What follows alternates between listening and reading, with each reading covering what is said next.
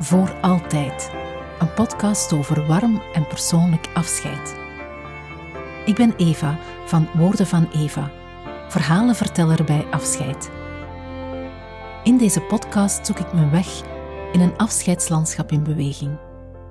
Ik neem je mee in het spoor van boeiende mensen die jou kunnen helpen met afscheid nemen. En ik geef je tips over hoe een afscheidsviering warm en persoonlijk kan zijn als een dekentje dat je hart verwarmt. Welkom.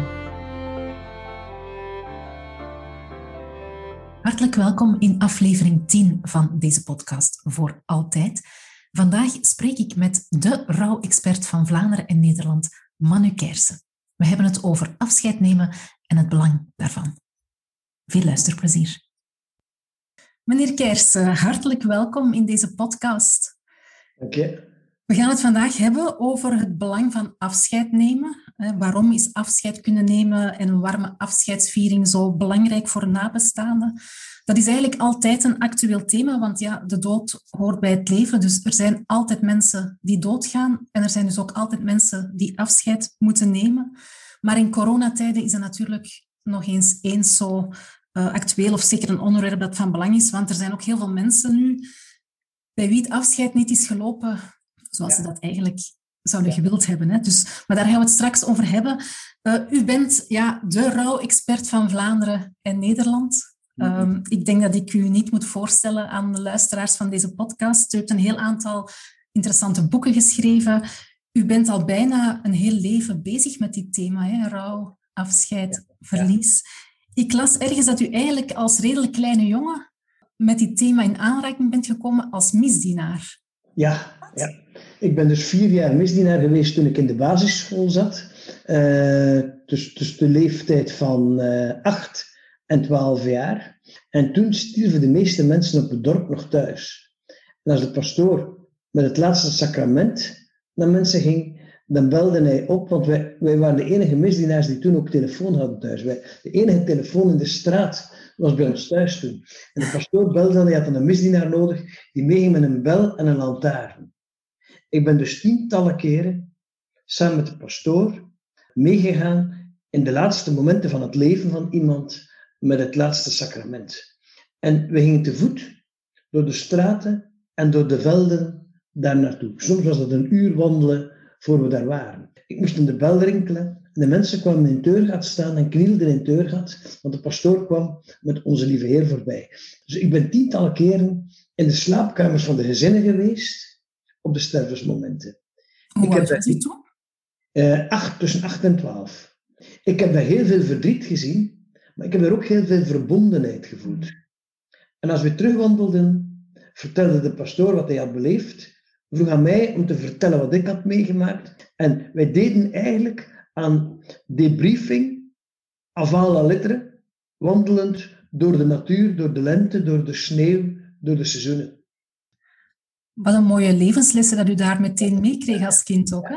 Ja, En wij waren toen ook, wij mochten toen de school verlaten om een uitvaartviering te, uh, mee te helpen verzorgen. Dus ik ben uh, ettelijke keren uh, afwezig geweest in de school, omdat ik misdienaar was en de uitvaartviering moest mee helpen verzorgen. Dus ik was eigenlijk nauw betrokken bij, met de mensen. Ja. En wat deed dat met u als kleine jongen?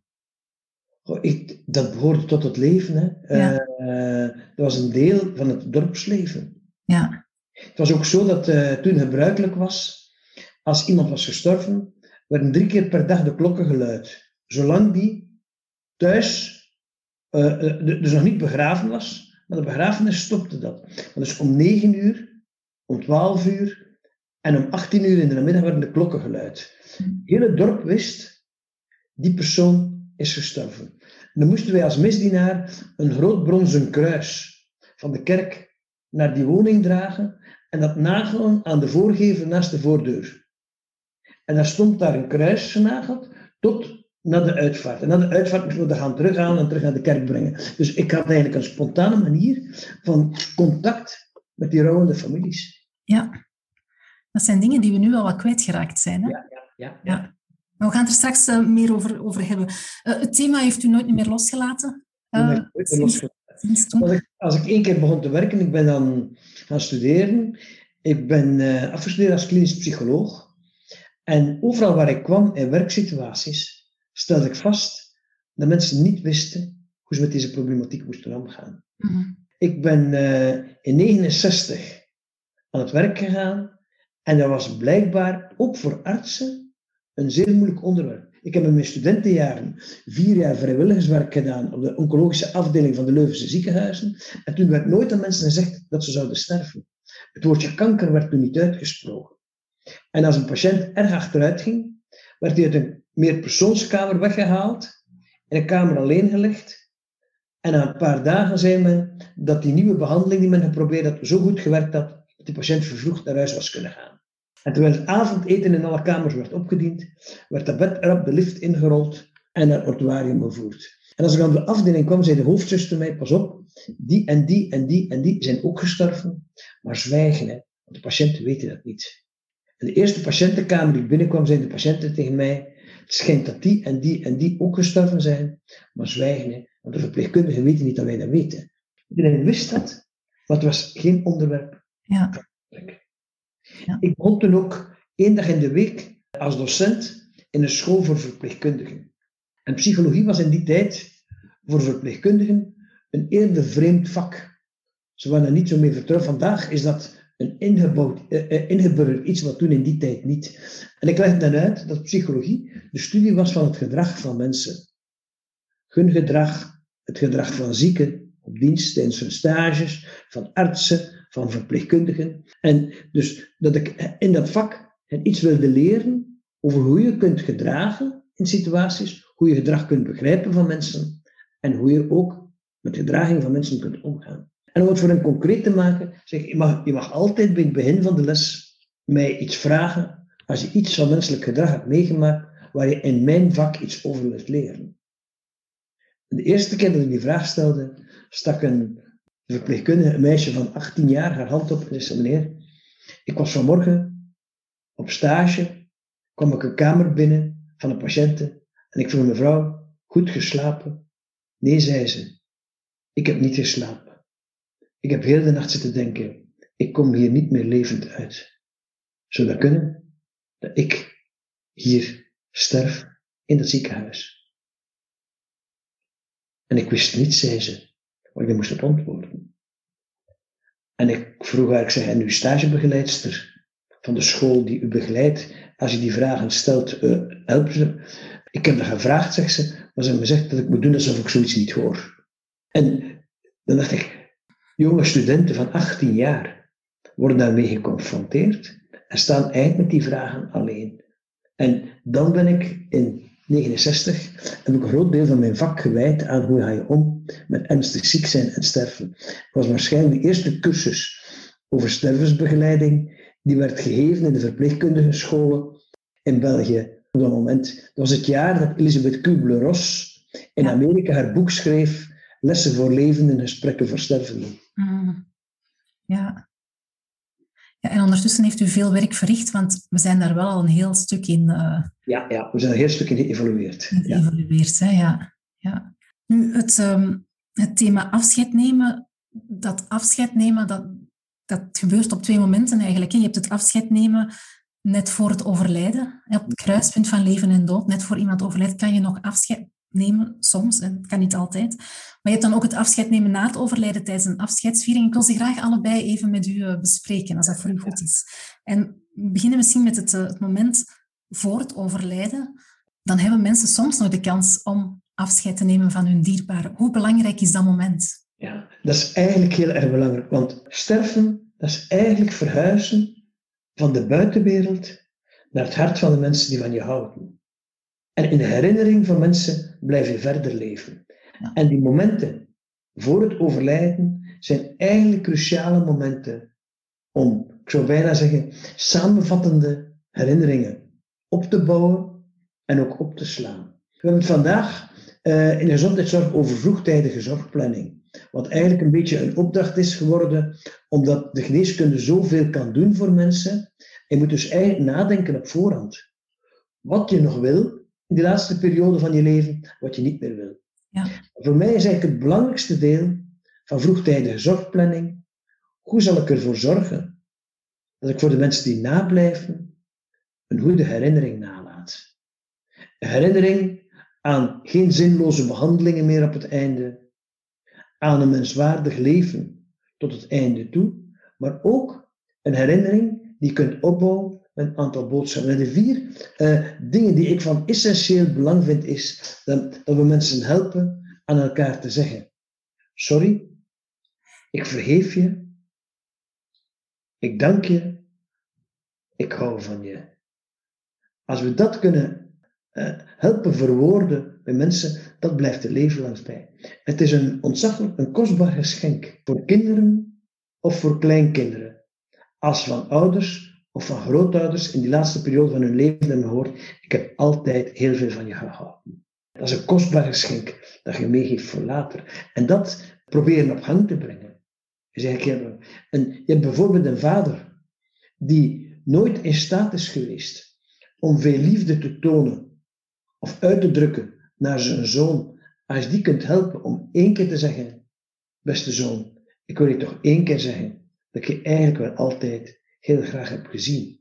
Ik heb nooit geleerd om dat te tonen, om dat uit te drukken, maar kun je dat nog één keer zeggen, dan geef je eigenlijk een kostbaar geschenk voor de toekomst.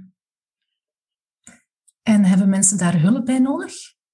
Sommige mensen wel, want dat, is, dat, is, dat ligt niet altijd in de zeden van mensen. Nee, om uitdrukkelijk te bespreken. Ik zeg bijvoorbeeld vaak, als ik voor een zaal met mensen sta, zeg regelmatig aan je kinderen dat je hen graag ziet. En de eerste reactie die ik krijg is, mijn kinderen weten dat. En dan stel ik soms eens de vraag aan de dames in de zaal, wie van jullie heeft de laatste vijf maanden aan uw man niet gevraagd, ziet je mij nog graag? En blijkbaar hebben ze dat allemaal gedaan. Ja. weten jullie dat dan niet? Maar je wil dat horen zeggen. En dit mensen nog helpen om een aantal dingen uit te spreken, mhm. om een aantal boodschappen met elkaar te bespreken, is eigenlijk heel belangrijk. En pas op, als je mensen 30, 40 jaar later ontmoet, hè, dan herinneren ze die woorden die gesproken zijn in die laatste momenten. Ja, u geeft het duidelijk aan hoe belangrijk dat moment is hè, van afscheid kunnen nemen. Nu, bijvoorbeeld nu met corona zijn er heel veel mensen die dat niet hebben kunnen doen. Hè.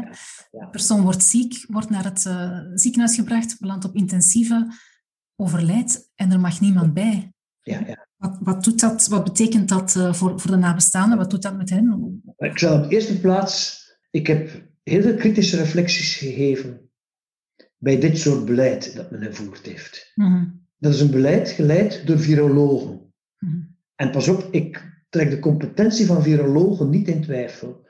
Maar virologen zijn de specialisten in het bestrijden van virussen. En zijn vanuit dat oogpunt vertrokken, zeer terecht. Maar een virus wordt verspreid door menselijk gedrag. En daar zijn ze niet de specialisten in. En ze hebben het alom recht gekregen om een beleid te bepalen. En daarin zijn op een aantal domeinen verkeerde maatregelen genomen. Mhm. Men heeft in woonzorgcentra en in verpleeghuizen op een bepaald moment een totale lockdown uitgeroepen. Men heeft mensen niet toegelaten in de laatste periode van het leven van hun dierbaren. Dit is fundamenteel een fout beleid. En ik heb het ook al aan virologen gezegd. Dit is een fout beleid. En de, de, de voorzitter van de groep virologen in België zei: Ik had uw boek Helpen bij Verlies en Verdriet moeten lezen voor die pandemie begon, in plaats van toen hij al zover gevorderd was. Dan zouden we waarschijnlijk andere voorstellen hebben gedaan. Ik ben zelf voorzitter van vier woonzorgcentra voor ouderen, mm Leuvense. We hebben tijdens die totale lockdown dit soort maatregelen naast ons neergelegd. Dus wij zorgen dat mensen in de laatste periode van het leven voldoende contact met elkaar kunnen hebben. We hebben ze actief uitgenodigd. Dat heeft ons geen enkele extra besmetting opgeleverd. Mhm. Want de mensen zijn wel bereid van de nodige veiligheid in acht te nemen ja. Als je dat voorschrijft en als je dat bespreekt. En dat is eigenlijk cruciaal. Goed, een aantal mensen hebben, hadden de strijdkracht niet om daarvoor te vechten.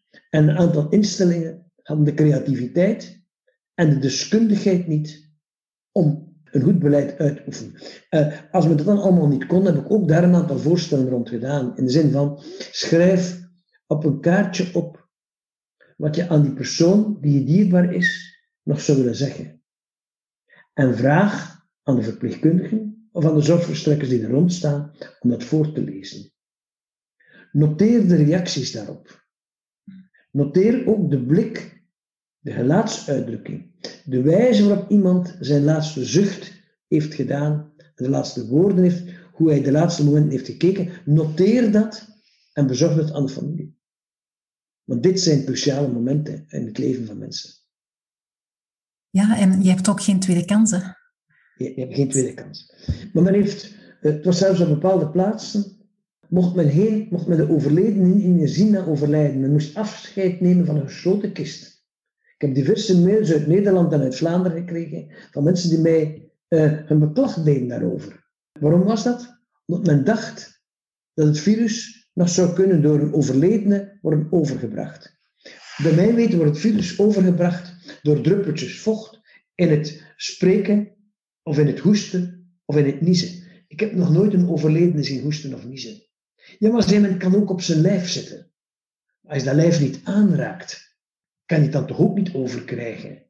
Hm. En ik heb nog nooit een overledene iemand zien omhelzen of zien knuffelen of een hand zien reiken. Dus men is in die angstpandemie is men veel te ver gegaan. Nu, voor sommige mensen ja, is het wel zo gelopen hè? En, en er is geen tweede kans. Is geen tweede kans. Buiten corona zijn er natuurlijk nog uh, situaties waarbij er geen kans is om afscheid te nemen. Denk maar aan een verkeersongeval waarbij het overlijden heel plots uh, uit de gebeurt. En laten we ook niet alles op die corona steken.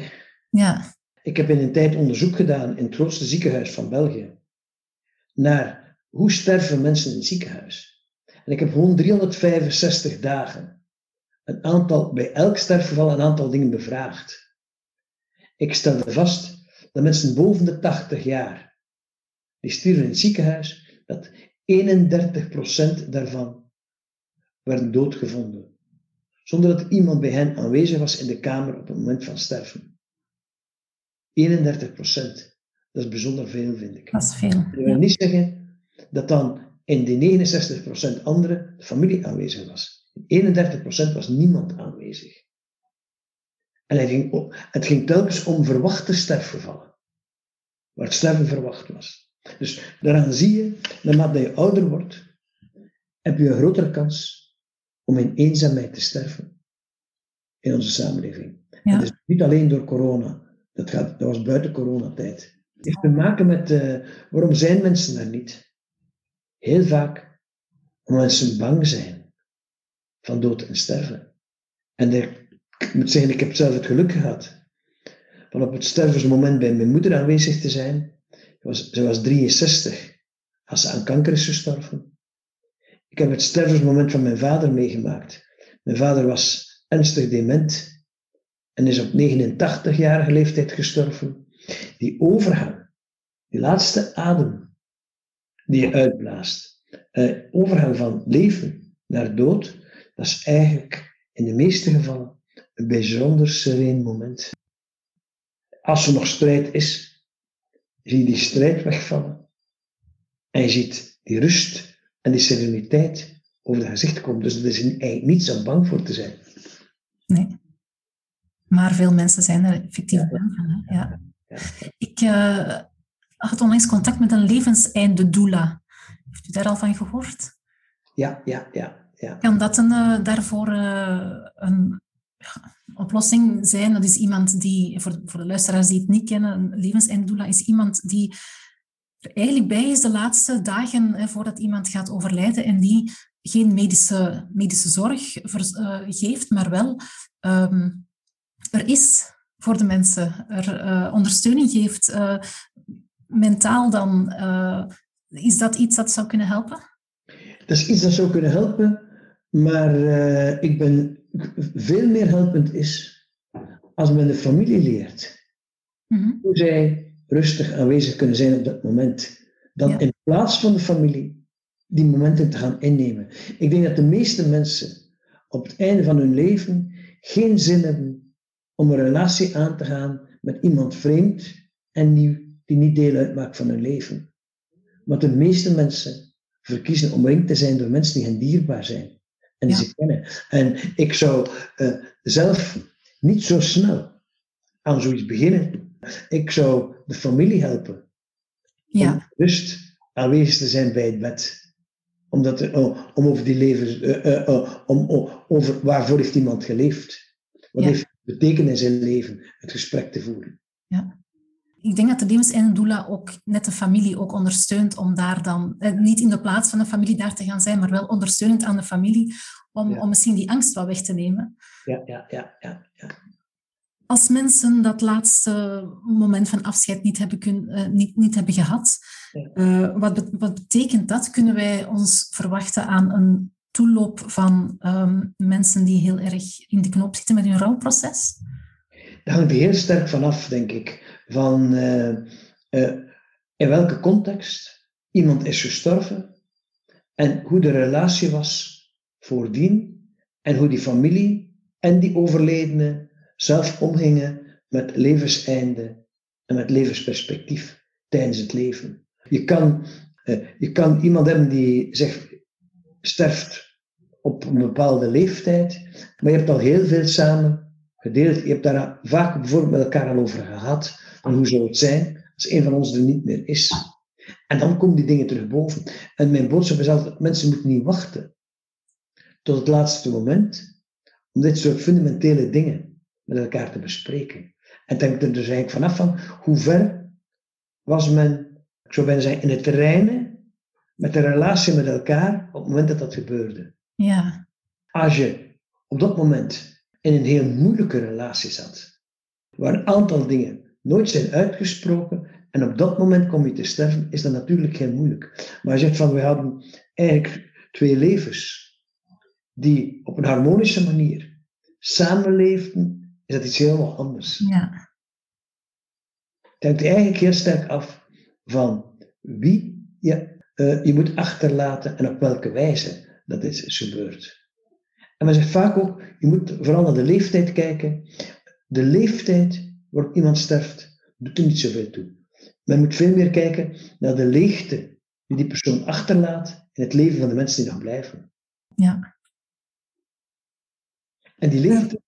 kan een deel, gedeeltelijk op een zinvolle manier worden ingevuld met herinneringen ook aan die laatste periode. En met herinneringen die mensen die er dan wel bij konden zijn, professionelen bijvoorbeeld, verpleegkundigen of artsen, bij, de, met correcte informatie te geven over dat dat laatste moment is verlopen. Niet alleen medische informatie, maar vooral die, de, hoe dit als menselijk gebeuren is verlopen.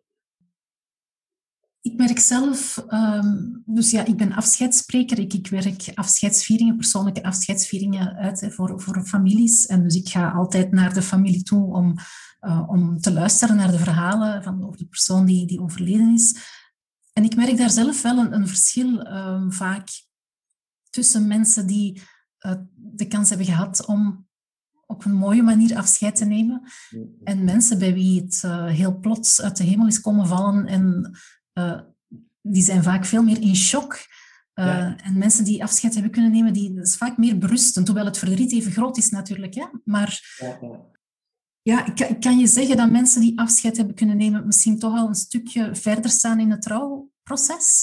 Eh, als je kijkt naar, naar, naar, naar het rouwgebeuren, eigenlijk begint dat al op het moment dat men bij iemand een diagnose stelt van een levensbedreigende ziekte.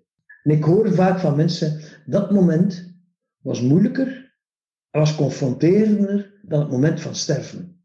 En je hebt dus eigenlijk in die periode een aantal dingen kunnen doen. En als ik nu kijk, als ik nu terugkijk op het sterven van mijn ouders, bij mijn moeder is de diagnose borstkanker gesteld tien maanden voor ze gestorven is.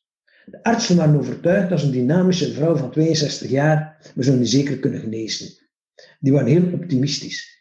Maar ze, mijn moeder had nooit gestudeerd en vroeg mij om eens met de artsen te bellen, alle mogelijke vragen te stellen, maar dan grondig te informeren. ik heb dat ook gedaan. Het was niet moeilijk haar grondig informeren, want die artsen waren zonder meer heel positief, die vrouw zou overleven. Toen ik haar alles vertelde had, zei ze, zijt gij even optimistisch als die dokters? Dus als ik eerlijk ben, moet ik zeggen dat ik niet zo optimistisch ben. Ik weet de dokters hun mogelijkheden nogal eens overschatten. En ik ben er, ik heb geen gegronde redenen om zo optimistisch te zijn als die artsen. Zou dat kunnen zijn dat het mijn laatste jaar wordt? Zei, mama, de artsen zijn overtuigd dat dat niet zo zal zijn. En laten we hopen dat ze gelijk hebben. Ons ook voldoende realistisch zijn en er rekening mee houden dat dit ook het begin van uw laatste jaar zou kunnen worden. We hebben daar toen al over gesproken. Dit is eigenlijk een van de fundamentele gesprekken tussen mensen die je helpen om geleidelijk aan voort te blijven. Tien maanden later is mijn moeder gestorven, zijn nog meerdere open gesprekken gevolgd met haar daarover. En drie weken voor ze stierf, zei ze, vertrek rustig naar Leuven, want ik heb met u alles besproken, wat ik in ideale omstandigheden graag zou bespreken voor ik vertrek. Als je zo kunt achterblijven, dan heb je eigenlijk in al die gesprekken een leven afgerond. Mm Mijn vader was ernstig dement, herkende zijn kinderen niet meer. En toevallig, toeval bestaat eigenlijk niet, was ik aanwezig op het moment dat hij eigenlijk nog redelijk onverwacht kwam te sterven. Ik zat bij hem en ik keek naar hem en hij glimlachte vriendelijk, was altijd blij als er iemand kwam, maar wist niet meer wie dat we waren. En na tien minuten naar hem kijken, zag ik hem ineens zijn laatste adem uitblazen en stierf hij. Ja, dat geeft ook een enorm voldoening. Maar vader was dement, de laatste vijf jaar van zijn leven. Ik had het gevoel van, ik heb voor hem kunnen doen in die periode wat je voor iemand kunt doen. En wie, wie het deed, was voor hem niet meer duidelijk, want hij wist mm. niet wie we waren. Mm. En ik dacht dus, eigenlijk, is 89 jaar. Het enige wat die man nog te wachten stond, was de naast mentaal aftakelen, nu nog, ook nog eens fysiek zou aftakelen. Dat is hem bespaard gebleven. Ja. Het is iets helemaal anders als je partner plots verliest op jonge leeftijd. Of als je kind verongelukt. Dat is natuurlijk iets helemaal anders. En dat plotse sterven heeft, heeft u ook het beeld van, er kan me hier elk moment van alles gebeuren. Want als dat ineens kan gebeuren, dat, ze, dat, dat, slaat het leven van mensen door elkaar. Hè? Maar ik maak soms ook wel mee dat een vrouw mij zegt van, uh, dat mij dit niet kan overkomen. Ik heb nooit gedacht dat mijn moeder zou doodgaan. Haar moeder is 89 jaar. Ze heeft nooit gedacht dat haar moeder zou doodgaan. En ze, ze heeft zo'n band met die moeder, dat ze zich nooit heeft kunnen voorstellen dat die moeder zou kunnen sterven. Ja, sommige mensen leven met het gebrek aan, realiteitszin mm in de wereld. En ook daar kan ik niet anders dan respect voor opbrengen op dat moment. Wanneer iemand overleden is, je hebt dan misschien eh, afscheid kunnen nemen, ja, dan volgt er daar een, eh, een, even een, een, hectische periode, want dan moet er daar ineens van alles geregeld worden, administratief en zo. En dan heb je die afscheidsviering. En dat is dan eigenlijk zo'n beetje het tweede moment dat ik vandaag met u wil bespreken, van het moment van afscheid nemen. Welke betekenis of welk belang heeft die afscheidsviering? Ja, het is opvallend dat elke, elke cultuur, elke gemeen, volksgemeenschap heeft specifieke rituelen rondom overlijden. Als cultureel antropologen een volk gingen bestuderen, de eerste dingen waar ze naar keken was de gebruiken rondom geboorte en de gebruiken rondom sterven. Omdat ze daar het meest volkseigene in ontdekten. En die rituelen uh, rondom uitvaart en begraven zijn eigenlijk heel erg belangrijk. Waarom? Omdat ze de persoonlijke emoties en gevoelens veruiterlijken in een maatschappelijk aanvaarde vormgeving. Dat is eigenlijk de betekenis van rituelen. Je, uh, de, de samenleving heeft een aantal gebruiken, een aantal modellen gevonden om persoonlijke emoties te kunnen veruiterlijken op dat moment en te kunnen delen in een gemeenschap. En dat is, uh, uh, een uitvaartviering is ontzaglijk belangrijk. Als je kijkt, ik heb gezegd, herinneringen zijn belangrijk. Herinneringen die men naar voren brengt in een uitvaartviering, toespraken die worden gehouden, de wijze waarop iemand wordt beschreven, maar ook wie daar aanwezig is, de verbondenheid die je daar voelt, die eigenlijk tot stand gebracht wordt rondom het overlijden van die persoon, zijn eigenlijk voor de concrete mensen, voor die familie, maar ook voor de gemeenschap, heel belangrijke bouwstenen uh, van een samenleving. Ik wil u graag een quote voorleggen. Die ik, het is eigenlijk feedback dat ik kreeg van een familie na een afscheidsviering dat ik voor hen had begeleid. En zij lieten mij weten, van het afscheid had ik eigenlijk veel schrik. Ik zag het als een angstig, maar noodzakelijk iets waar we doorheen zouden moeten. Maar het werd een heel mooi te koesteren moment. Ja, ja, ja. Dat vond ik eigenlijk heel mooi.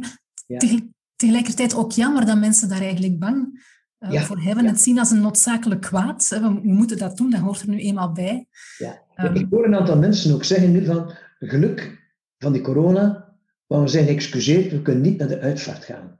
Ik vind het heel jammer hè, dat ik voor een aantal mensen niet naar de uitvaart kan gaan. Uh, de, de eerste week van de lockdown is iemand gestorven die ik een twaalftal keer heb gezien. Die is de, uh, uh, een jonge vrouw die aan euthanasie is gestorven. Euthanasie om psychische redenen. Het afronden ten aanzien van die ouders, ten aanzien van die kinderen, zou ik, wat er, welk moment dat ook was, vrijgemaakt om naar die uitvaart te gaan. Als persoon die die vrouw een tiental keer heb, heb gezien in het kader van haar wens naar euthanasie. Dus ik ben, ze zijn bij mij terechtgekomen toen de beslissing al genomen was dat ze via euthanasie zou sterven. En ze kwam mij vragen om dit, of ik dit wilde vertellen aan haar kinderen van 9 en 11 jaar. Dat ze door euthanasie uit het leven zou stappen. Ze was al een tijdje gescheiden. Die kinderen woonden samen met hun vader, uh, met een ex-partner. En ik heb haar kunnen zeggen, ik wil, ik wil jou helpen om het te vertellen aan de kinderen. Maar ik wil u voordien 12 uur zien. Want ik wil ook, als jij sterft, wil ik voldoende weten over jou en je motieven en je leven, om later op de vragen te kunnen antwoorden. Als die kinderen op latere leeftijd vragen stellen over wie was onze mama. Dan moet ik informatie hebben om er kunnen antwoorden. En uh, ik wil u begeleiden. Ik ben samen met haar naar die kinderen gegaan. Drie dagen voor de lockdown uh, werd uh, geïnstalleerd. En ik heb samen die namiddag gesprek gevoerd met haar en haar twee kinderen. In aanwezigheid van de vader ook, die stilzwijgend bij het gesprek aanwezig was. Maar voor mij zou de afronding geweest zijn dat ik ook die familie, die ouders en zo, nabij kon zijn op de uitvaart. Ja. En uh, heel veel mensen zijn bang voor uitvaarten ook. Om, wat maakt mensen bang? Iets waar ze niets over weten. En sommige mensen zijn nog nooit in een uitvaart geweest en zijn 50 jaar geworden. Ik heb het als kind geleerd. Ik had als kind bijna wekelijks een uitvaart was ik als misdienaar. Mm -hmm. had. Op dit moment mogen er 50 mensen bij een uh, afscheidsviering zijn. Er is een lange tijd geweest dat er maar 15 mensen bij een afscheidsviering mochten zijn. Ik heb een heel aantal, heel aantal vieringen uh, begeleid waar er 15 mensen aanwezig waren. En dat is natuurlijk heel moeilijk dat families ja. keuzes moeten maken van wie mag daar dan zijn en wie niet. Ja. Um, maar tegelijkertijd vond ik het ook wel um, zo'n intiem afscheid was ook wel mooi. Omdat ik wel voelde dat er een bepaalde druk bij families soms wegviel. Ja, ja. Um, dat ze echt tot de essentie durfden gaan en dat, uh, dat die verbondenheid er echt heel hard was. Uh, en dat ze bijvoorbeeld nadien niet een uur handjes moesten schudden van mensen die heel goed bedoeld natuurlijk uh, ja. nog wilden. Dus het, het, ja, het is zo wat dubbel, hè? Ja, ja. Wel, ik moet zeggen, ik heb meer dan een uur en een kwart handen geschud naar de uitvaart van mijn moeder. Er was geen minuut te veel aan. Nee. Ik woonde op de gemeente niet meer en heel het dorp was daar om afscheid te nemen. Uh, ik zag heel veel mensen terug die ik van vroeger kende, of die ik niet meer kende, maar die waren er. En dat deed ook, dat deed ook goed. Te mm. weten van, uw moeder is geliefd door een heel dorp. Uh, een parochiekerk waar 1400 mensen aanwezig waren op dat moment. In een dorp van nog geen 2000 inwoners. Dat was toch immens. Uh, en dat doet ook goed, zoiets. Maar ook, daar, ook deze maatregel in die coronatijd, 15 mensen mogen aanwezig zijn.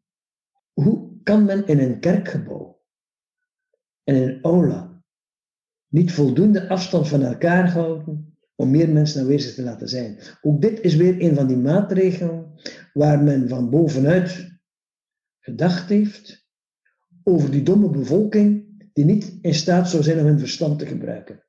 En ik hoor klagen, zowel in Nederland als in België, dat mensen zich aan de regels niet houden. Maar als je eerst doet, als de mensen uh, dat uh, doet alsof de mensen niet verstandig genoeg zijn om hun verstand te gebruiken, moet je achteraf ze niet verwijten dat ze hun verstand niet gebruiken om uw regels te volgen. laat dat aan de mensen zelf over. En zeg, kijk, dit, er moet voldoende afstand bewaard worden. En oordeel zelf met hoeveel dat je daar dan kunt zijn om in die aula, in die kerk, de nodige afstand te bewaren. Ik denk aan een gezin waar uh, een, een broer is gestorven, uh, was een gezin met, uh, met zeven kinderen. Maal twee is al twaalf, één stierf dus, is twaalf, en de moeder is dertien. En de moeder wilde absoluut dat de personeelsleden die voor die jongen met een zware beperking tien jaar lang hebben gezorgd, dat die aanwezig kon zijn in de uitvaartviering. Maar met het personeel van de, de uitvaartverzorger en de voorganger erbij, kon dat niet. Dat moest ze zelfs al een van haar kinderen thuis laten, in de viering van hun broer. Ik heb toen gezegd, ja. onderhandelen met de burgemeester. Om dat op te lossen. Een burgemeester is een lokale verantwoordelijke die de bevoegdheid heeft om jullie de toestemming te geven. En die heeft vrijgericht de toestemming gegeven om met een aantal mensen meer aanwezig te zijn. Maar dat kon. Eh, eh, Zo'n intieme viering kan heel veel effect hebben, maar heeft het niet meer als je moet beslissen, als moeder, wie van je kinderen je zal buiten laten uit die viering. Mm Klopt. En pas op, het is ook zo, door het feit dat uh, een aantal mensen er niet konden zijn, heeft men de livestreaming uitgevonden van uitvaartvieringen. En dat heeft natuurlijk ook een sociaal-democratisch karakter. Je kon van overal ter wereld aanwezig zijn in een uitvaartviering. Wat in andere omstandigheden niet kan. Ik denk aan een moslimgemeenschap die met een aantal familieleden afreisde naar Marokko om een overledene daar te begraven vroeger. Maar nu kon ze via die livestreaming, kon heel de familie dat volgen, ook degenen die niet konden meegaan. Dus heeft ook een aantal, de, de moderne technologie heeft ook een aantal dingen mogelijk gemaakt die we ook moeten proberen in zijn positiviteit te zien. Ja. Ik heb zoiets een afscheidsviering begeleid van een man die hier in België gestorven was, maar hij had heel veel familie en een dochter, kleinkinderen wonen op Vanuatu in de South Pacific. Ja, ja. Ze hebben ook via livestream dan de afscheidsviering meegemaakt. Ja, dat is, dat is heel mooi dat dat dan op die manier kan. Hè. Ja, ja, ja. Die afscheidsviering, is die Mensen zeggen vaak van ja, dat is zo nog het, eh, het laatste dat we kunnen doen hè, voor de persoon die overleden is, die een mooie afscheid bezorgen. Uh, we doen dat om die persoon te eren. Soms heeft de overleden persoon ook een aantal wensen uh, over die viering nagelaten. Wat als er daar een oneenigheid is, uh, of als het niet overeenkomt, de wensen van de persoon die overleden is en de noden van de familie achteraf. Ja. Voor wie is die afscheidsviering er? Uh, mijn, boodschap in mijn boek is: graven zijn voor de levenden en niet voor de doden. Uh, een afscheidsviering is voor de levenden en niet voor de doden. Als je dood bent, weet je niet meer. Maar het is kostbaar voor degenen die blijven leven. En daarom is het ook heel erg belangrijk van erop voorhand over. Ik denk terug, mijn moeder die was een heel eenvoudige volksvrouw. En mijn moeder zei, als ik dood ben, mijn kist in de blote aarde, een eenvoudig houten kruis met mijn naam daarop, zo sober mogelijk, zei ze. En een mooie uitvaartviering, waarin al de mensen die daar naartoe komen een boodschap voor het leven meegeeft, zei ze. Dat vind ik belangrijk. Maar voor de rest, en ik vroeg haar, ik zei, wat zou ons vader daarvan denken? Ah, ons vader zal daar niet mee akkoord zijn. Ik zei, hoe? Hij zal vinden een grafkelder met een mooie marmeren steen daarop, met namen, ons namen in houden lettertjes, zegt ze, dat zal ons vader. Zeg, waarom zou ons vader dat vinden? Ah, zegt ze, hij zal denken, als hij mij gewoon een kist in de grond steekt, uh, dat de mensen gaan zeggen, die man heeft zijn vrouw in de grond gestopt als een dode hond. En ik liet haar dat vertellen en ik zei gewoon, ons vader, ik heb je dikwijls horen zeggen, ons vader moet verder op dit dorp. Mijn kinderen heb ik de mogelijkheid meegegeven om hun leven uit te bouwen, maar hem laat ik achter. Ja, het is waar, zegt ze. En als ik dan niet meer durf buiten komen, wat de mensen me zegt, wat de mensen daarover denken, weet je, als ik er niet meer ben, doe wat je moet doen om voor iedereen goed te doen. En het was besproken, het was in orde. Dus ik kan heel veel bespreken met mensen ook. Uh, sommige mensen zeggen, ik wil absoluut gecremeerd worden. Want ik wil niet dat ze mij, mij mijn begraafplaats moeten onderhouden achteraf. Maar je hoort mensen zeggen, ik had graag een begraafplaats gehad waar ik naartoe kon gaan. Ik vind het anders dan zo'n urne. Dit is graven zijn voor de levenden en niet voor de doden. En een uitvaartviering is voor de levenden en niet voor de doden. Mm. En de zinnige manier waarop je als persoon in plaats van je leven aan uw uitvaartviering kunt wezen, is van wat wil ik nog meegeven aan de mensen die daar zullen zijn. Dat ze zich gewaardeerd voelen als ze naar buiten komen. Ik moet nu denken aan een, ehm, met de nieuwe technologie. We hadden het er al eventjes over. En ik las in Nederland, zijn ze nu aan het experimenteren met uh, zo'n nieuwe technologie, ehm, namelijk een hologram op een uitvaart, waarbij dus de persoon die gaat overlijden nog zo'n laatste boodschap kan inspreken. Dat wordt dan gefilmd. En dan bij de afscheidsviering verschijnt dat dan als hologram op de, ja, in de viering eigenlijk. Dus dat is eigenlijk de persoon die daar ineens staat, als hmm. het ware, en die zo nog een laatste woord zegt aan degene die achterblijven. Wat vindt u van zo'n uh, van zo'n nieuwe technologie? Het kan een stukje vervangen. Dat men dat niet in werkelijkheid heeft kunnen meemaken voordien. En dat kan betekenis hebben, denk ik. Uh, als men dat goed opvat, denk ik dat dat uh, voor mensen, alles wat herinneringen zijn, die mensen kunnen meedragen, en die ook hun leven kunnen oriënteren, is eigenlijk belangrijk. En dat kan een, technologie zijn waarmee men zoiets kan overbrengen. Want ik vroeg mij af, is dat niet, kan, ik weet het niet, kan dat niet chockerend overkomen dat je daar die persoon ineens terug ziet staan alsof dat die nog leeft? Ja. Meestal doet men voor een levendige foto op de kist vooraan in een uitvaartviering. Ook daar. Ja. Maar het is nog iets anders natuurlijk als je hem daar hoort iets uitspreken of zo. Hè.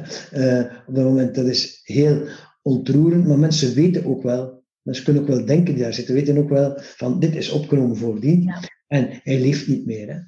Pas op, mensen zien de overledene weken nadien ook nog. Hè. Ik hoor heel vaak van, ik kwam het ouderlijk huis binnen, ik zag mijn moeder daar op een bank naast het venster. Of uh, ik heb mijn zoon piano horen spelen beneden in de woonkamer. Heel vaak zijn mensen verontrust daardoor. Van, er is, er iets met mij niet meer in orde. Hoe kan dat nu? In de psychiatrie noemt men dat hallucinaties. Dingen zien die er niet zijn. Dat is een teken van ernstig gestoord gedrag. Er zijn mensen daarvoor in de psychiatrie opgenomen in het verleden. Hè? Die vertelden hoe ze een overleden nog regelmatig zagen. Dit is volkomen normaal gedrag van normale en evenwichtige mensen. Hè? Je moet even twee meter voor je een stoel zetten. En naar die stoel kijken. En je concentreren op een persoon waar je een zeer nauwe band mee hebt.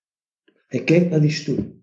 Je kan die zien zitten op die stoel, je kan beschrijven hoe groot dat die er is. Of die zwart, grijs of bruin haar heeft. Wat dat hij aan heeft. Of die een bril draagt. Hoe dat hij kijkt. En die zit daar niet. Mm. Je kan dat beschrijven. Uh, dit is wat gebeurt met mensen die dierbaar iemand moeten missen. Ze zijn daar zo geconcentreerd aan aan het denken.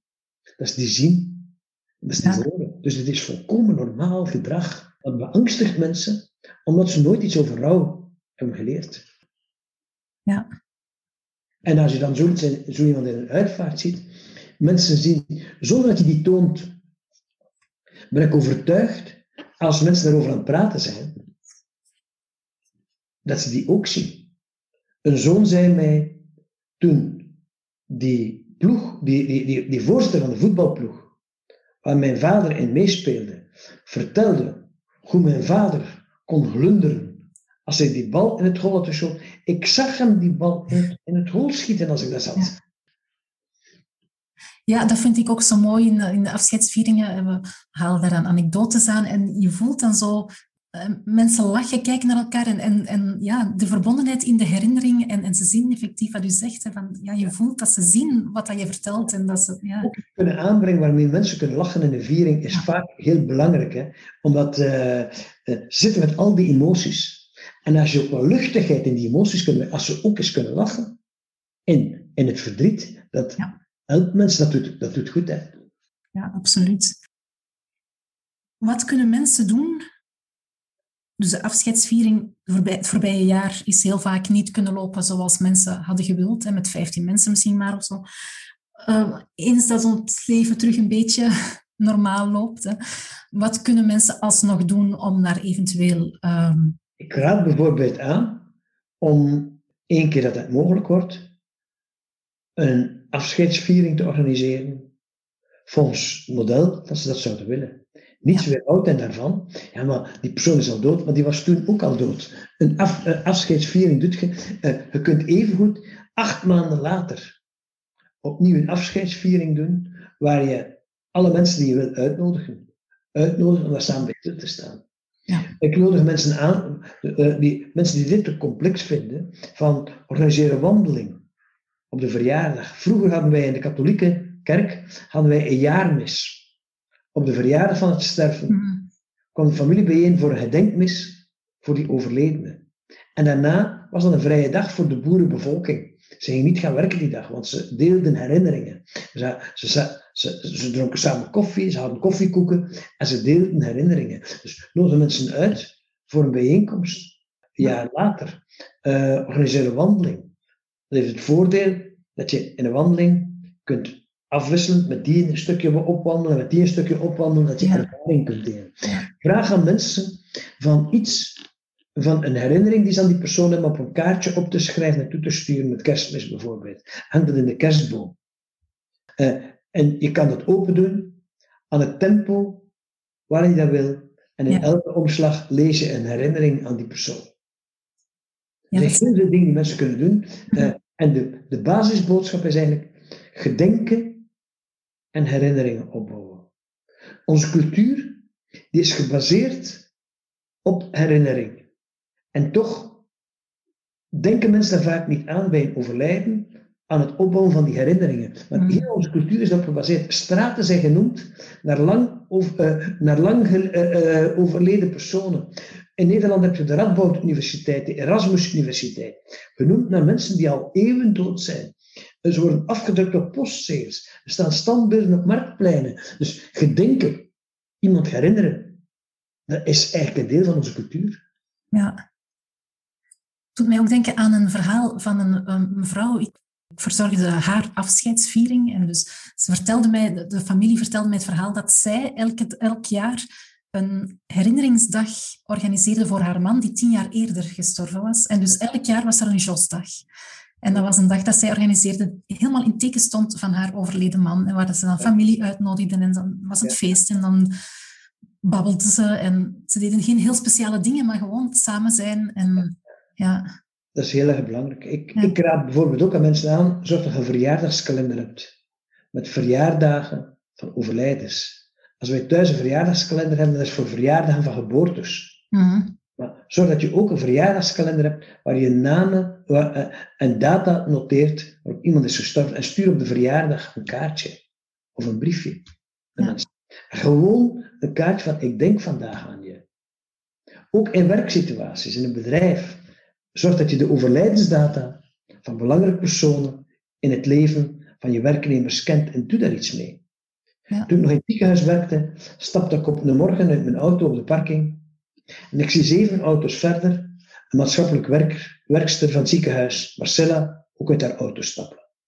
En we stappen samen de ingang van het ziekenhuis en ik zeg tegen haar, Marcella, vandaag, zeven jaar geleden, en ze rukt zich om en zegt ze, maar nu dat jij dat nog weet, dat maakt heel mijn week goed.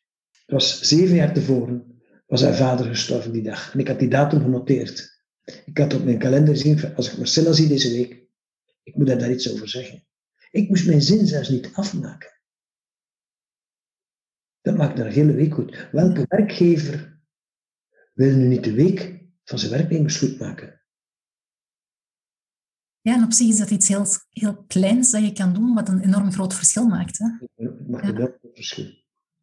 Ik kreeg in de, in, in, in die lockdownperiode kreeg ik ineens iemand aan de telefoon, een vriend uit mijn studentenjaren, 40, 50 jaar geleden, uh, die mij opbelde en ik dacht, Michel aan de telefoon, dat is nu de laatste die ik zou denken dat is bellen. En hij zegt, weet je, je zult niet weten waarom ik bel. Maar er vallen nu heel veel contacten weg. En ik wilde toch eens u bellen om eens te zeggen hoeveel plezier het ons doet. Jij bent de enige die elk jaar de verjaardag van het sterven van onze zoon en van onze dochter ons een kaartje stuurt. Ja, me dat, dat is. De ene is acht jaar geleden gestorven, de andere zeven jaar geleden. Zijn dochter aan kanker gestorven, zijn zoon is verongelukt. Uh, ik heb toen, ben toen op die uitvaart geweest, ik heb toen ook een brief geschreven voor hen, maar ik heb jaarlijks een kaartje blijven sturen op die verjaardag. En in die lockdown belt hij mij op om te zeggen, nu dat die lockdown is, ik wil toch even bellen om te zeggen dat dat ons enorm veel plezier doet. Mm. En hij zei, zelfs in zo'n lockdown is dat een, een, middel voor contact. Ook al lag, was die verjaardag nu niet in die lockdownperiode. Ja, ja, ja. Maar dat is een van die dingen die we als maatschappij inderdaad kunnen doen hè, voor mensen die hier houden, daar aandacht aan geven. En, uh, ja. ja. Mag ik nog een, um, een getuigenis uh, voorleggen? Um, een van de dingen die we ook kunnen doen. Een paar maanden geleden sprak ik met een collega coach. Uh, en zij, zij was aan het vertellen over het overlijden van haar zus in 2019. Een zus waar zij een heel, goed, een heel innige band mee had, waar ze heel goed mee overeenkwam. En dus dat overlijden, ja, ze had het daar moeilijk mee. En ze had naar u gebeld, meneer Kersen. Um, want ze wou bij u op consultatie komen om daarover te praten. Um, en dus ze had u aan, aan de lijn, maar um, ja, uw agenda zat nogal vol blijkbaar. Dus het duurde een tijdje voor ze bij u terecht kon. Maar u zei toen blijkbaar aan, ik ken de exacte woorden niet, hè, maar het kwam erop neer dat u zei aan de telefoon, maar we zijn nu met elkaar aan het praten, ik luister nu graag naar u. Ja. Zij zei tegen mij, dat heeft mij zo'n ongelooflijke deugd gedaan, dat iemand tegen mij zei, ik luister naar u. Ze vond dat zo krachtig. Uh, is dat uw kracht, dat u luistert naar mensen? Ik probeer te luisteren naar mensen. En als ik zo kijk, van, zal niet direct een moment gevonden hebben. Waarschijnlijk zal het ook met haar agenda te maken hebben gehad. Want ah. als mensen mij bellen, dan zorg ik altijd dat ik tussen dat moment en tien dagen een moment vind om te zien. Want ik denk, als mensen de moed nemen om mij te schrijven of om mij te bellen, dan probeer ik uh, hen niet te laten wachten en daar ook tijd voor te maken. Uh, en uh, het belangrijkste is eigenlijk luisteren, nog eens luisteren en nog eens luisteren. Begeleiden in, in rouw en in verdriet is meer luisteren dan spreken, meer volgen dan leiden. Ik las ergens dat u vroeger, voor u aan een gesprek begon, dat u op uw handen schreef luisteren. Klopt dat? Ja. ja. Uh, we hebben soms de neiging van te veel te spreken. En ik schreef aan de binnenkant, en ik maak nogal eens gebaren als ik iets zeg, en dan zag ik aan de binnenkant van mijn twee handen staan, luisteren. Uh, en daar herinner ik me aan. Ik heb dat geleerd toen ik student was. Ik hoorde tot de eerste generatie van studenten die uh, in de inspraakorganen van de universiteit terechtkwamen. Dat was zo in de 68er jaren. En wij uh, heel veel stakingen georganiseerd voor meer inbreng en voor een democratisering van de samenleving. En was ook de tijd dat de eerste studenten in de faculteitsraad binnenkwamen. En ik had zo de gewoonte, wij uh, onze decaan was dan niet gewoon dat studenten daar zouden zitten en wij mochten nauwelijks aan bod komen in die vergaderingen. Uh, maar wij bereiden ons heel goed voor. En ik schreef een kleine, een klein geschrift aan de binnenkant van mijn handen. Uh, resultaten, als we iets willen voorbereiden, van zoveel procent van de studenten vinden dat en dat en dat. Maar heel precies, ik had dat allemaal aan de binnenkant van mijn handen geschreven. En uh, als ik dat dan uitlegde, ik kon dat gewoon aflezen. en ik kwam heel sterk onder de indruk van, verdomme die mannen, die kennen hun zaken wel zeer goed. Die hebben ze goed gedocumenteerd, die hebben geen blaadje papier bij. En toch kun je op een heel systematische manier het allemaal aangeven. Dat zonder de binnenkant op je hand. ja. En ik heb daar geleerd van, als ik iets niet wil vergeten tijdens het gesprek. Vandaag zou ik dat nu niet meer doen, omdat ik zo getraind ben eerlijk te luisteren. Ja. Maar het is niet makkelijk, hè, luisteren? Nee, nee, nee, nee. Is zo een van de dingen uh, in mijn boek Helpen bij Verlies en Verdriet. Heb ik het laatste hoofdstuk gewijd aan die dingen. Wat kan je uh, zeggen aan mensen? Wat kan je schrijven? Wat kan je doen voor mensen? En uh, wat kan je zeggen is mijn boodschap, vergeet die vraag, wat je aan mensen moet zeggen in verdriet. Stel u eens de vraag, wat zouden die mensen vanuit hun verdriet aan mij te zeggen hebben? Hm. Ja, mensen hebben vaak de neiging om willen goed bedoelde hè, adviezen geven of we willen stilte vullen. Dat, dat, dat voel ik ook heel vaak, dat mensen stilte willen vullen, terwijl die stilte eigenlijk net mooi kan zijn ook. Hè? Ja, ja, ja. ja. En zo, je ziet ook mensen zo van, mensen die komen groeten bij een overlijden. Ja, wat moet je zeggen? In een gedeelneming, in een gedeelneming, in een gedeelneming. Je moet eigenlijk niks zeggen. Hè. Geef mensen de hand. En kijk hen in de ogen aan. Hè. En dat zegt genoeg. Hmm. We hadden het er al even over dat um, het einde van het leven, dat dat uh, toch wel een zo'n beetje een taboe blijft in, uh, in onze maatschappij. Um, ik merk dat zelf ook als afscheidsspreker. Mensen willen daar eigenlijk niet over nadenken of willen daar niet mee bezig zijn zolang dat niet aan de orde is. Um, en tegelijkertijd hoor ik ook wel veel van mensen van ja, ik wil wel in schoonheid gaan of mijn afscheidsviering moet wel een feest zijn. Maar op voorhand daarover praten, dat gebeurt dan, dan niet echt. Uh, wat kunnen we daaraan doen? Wat is er nodig om dat thema uit die taboesfeer te halen? Mijn, mijn boodschap is altijd, we moeten beginnen bij de kinderen. We moeten beginnen bij de kinderen. Want kinderen zijn daar niet bang voor. Maar men leert geen angst aan als volwassenen. En als je kijkt, moet zien wat de, uh, mijn, mijn boodschap is altijd, hoe, hoe leren kinderen iets? Kinderen leren de taal spreken die gesproken wordt in het gezin waar ze opgroeien. Kinderen leren hun eerste stapjes zetten door na te bootsen wat ze volwassenen zien doen. Kinderen die in de dierenwereld zijn opgegroeid, die lopen niet op twee benen zoals wij, maar op handen en voeten, zoals de dieren in het bos zien doen. Dus kinderen leren door op te zuigen wat er rondom hen gebeurt. Moet je eens de vraag stellen, waar zien kinderen nog in de woonkamer waar ze opgroeien, zorgen voor iemand die ernstig ziek is en sterft. Vroeger woonden drie generaties onder hetzelfde dak.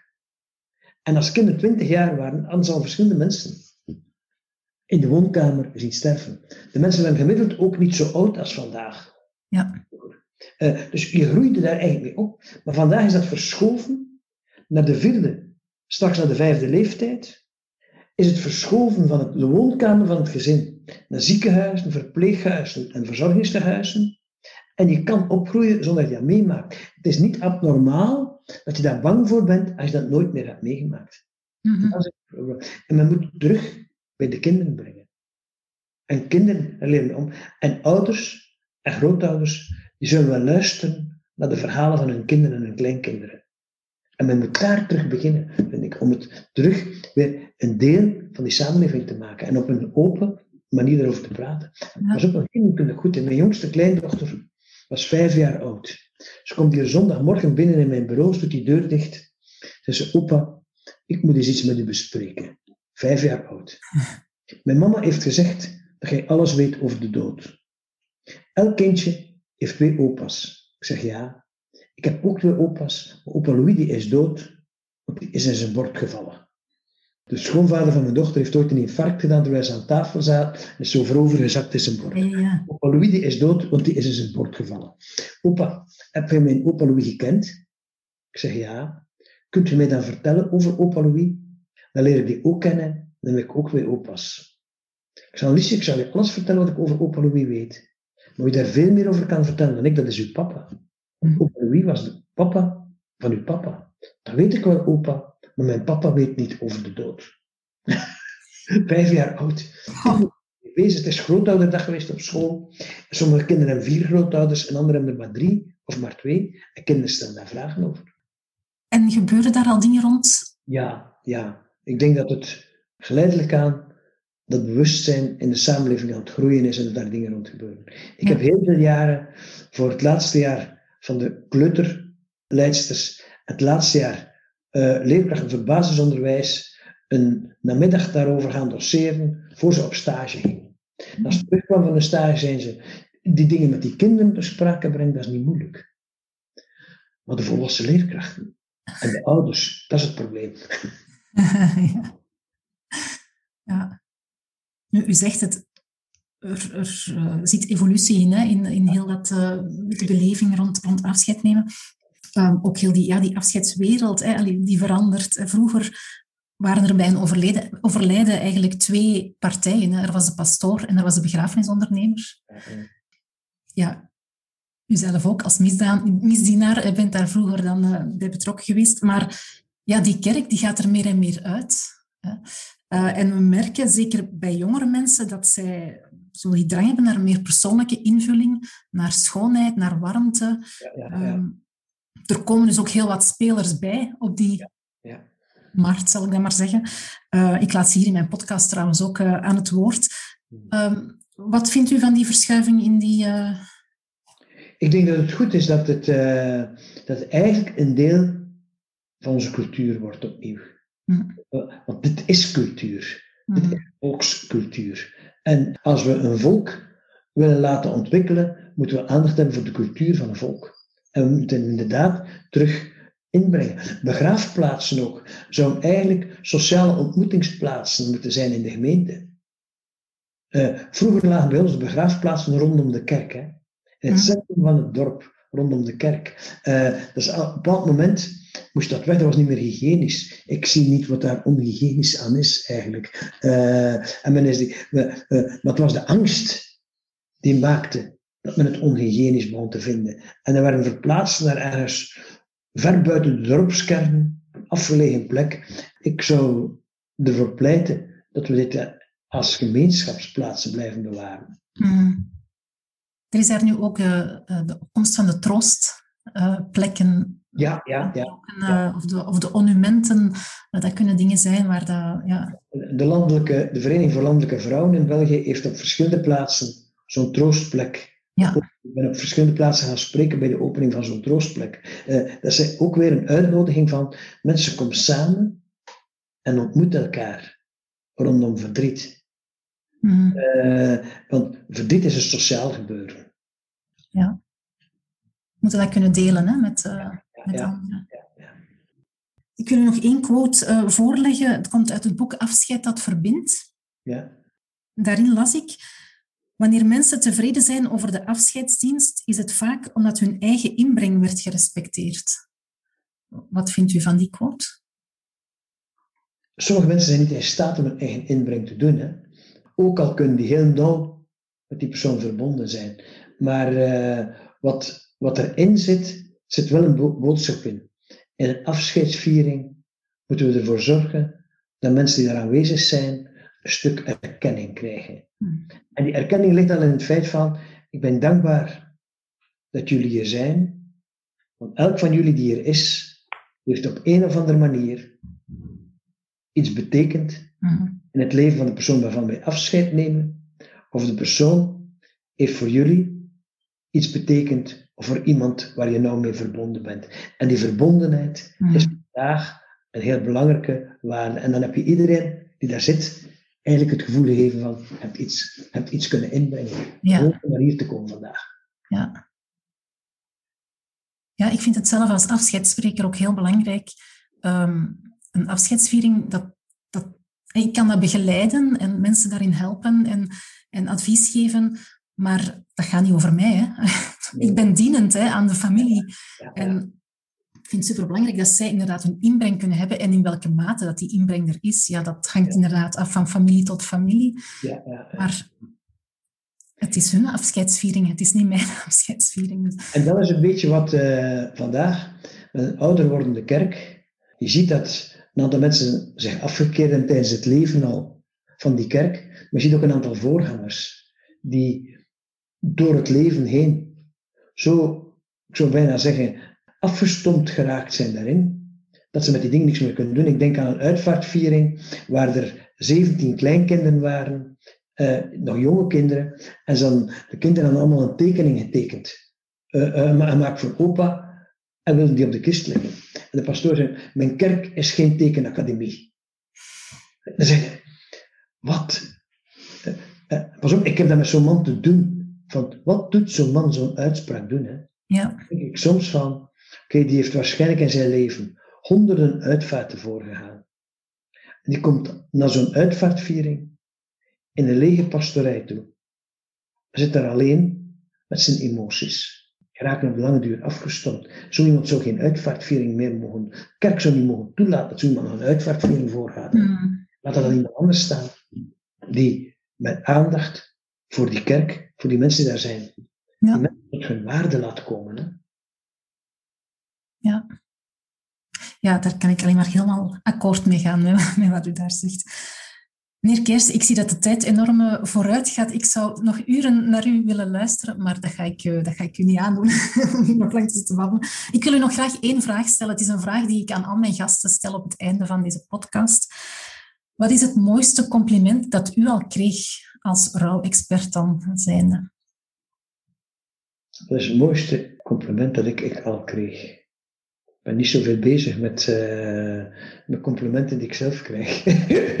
ik probeer het eerder aan mensen te geven. Maar het mooiste is misschien wel de vele reacties die ik krijg op mijn boek Helpen bij Verlies en Verdriet. Dat mensen zeggen, ik, ik herken het. Ik zou het zin na zin herlezen. Hmm. En ik ben begonnen met te onderlijnen wat mij aansprak. Ik moest bijna het hele boek onderlijnen. Nu, dat is ook een boek waar ik ontzaglijk veel van mezelf heb ingelegd. Waar ik hmm. heel intens heb bij stilgestaan om het te schrijven nog. Dat is een mooi compliment. En inderdaad, het gaat uiteraard niet echt over het compliment uh, voor u, maar in het compliment zit heel veel verscholen over wat mensen in rouw eigenlijk nodig hebben. Hè. En, uh... Ik zat wel een andere vraag in mijn hoofd als je sprak over compliment hoor. Ik was aan het denken van, jij mag mijn uitvaartviering voorgaan. ja. daar had ik nu zelfs niet aan gedacht. Nee. Meneer Keijs, ik wil u heel hartelijk danken voor dit uh, interessante, boeiende, fijne gesprek. Um, ik onthoud een heleboel dingen van wat u gezegd heeft, onder andere ook dat luisteren enorm belangrijk is. Wel, ik heb met heel veel plezier naar u geluisterd tijdens, uh, tijdens dit gesprek. Voor de luisteraars van deze podcast wil je graag nog meer horen of lezen van Manu Kersen. Lees dan zeker één van zijn boeken. En meneer Kersen, u haalde het net aan, Helpen bij verlies en verdriet. Ik denk dat dat een beetje uw basisboek is ja, voor, uh, ja. Voor mensen die uh, met rouw of verdriet of afscheid te maken hebben. Um, dus dat is een absolute aanrader. Meneer Kersen, heel hartelijk bedankt voor dit gesprek. heb je even hard genoten van dit gesprek als ik heb gedaan. Wil je zelf ook iets betekenen voor mensen die afscheid moeten nemen? Dan geef ik nog even mee dat mijn cursus Spreken bij afscheid binnenkort opnieuw van start gaat. Nu donderdag 22 april geef ik hierover een gratis online infosessie. De cursus zelf die start op 3 mei en in de cursus leer je hoe je vol vertrouwen warme en persoonlijke afscheidsvieringen kan uitwerken en begeleiden. En hoe je dus, zoals meneer Keersen net aanhaalde, die mooie herinnering kan vormgeven. De cursus is bedoeld voor mensen die dit voor anderen willen gaan organiseren. Klinkt het als iets voor jou? Neem dan zeker een kijkje op mijn website www.woordenvaneva.be dan kan je verder klikken op cursus Spreken bij afscheid. Daar vind je alle informatie en daar kan je je ook inschrijven voor de infosessie van nu donderdag 22 april. In die infosessie vertel ik meer over de zeven stappen die je eigenlijk moet zetten als afscheidsspreker en vertel ik je meer over de cursus die ik daar rond aanbied. Hartelijk dank voor het luisteren en heel graag tot volgende week.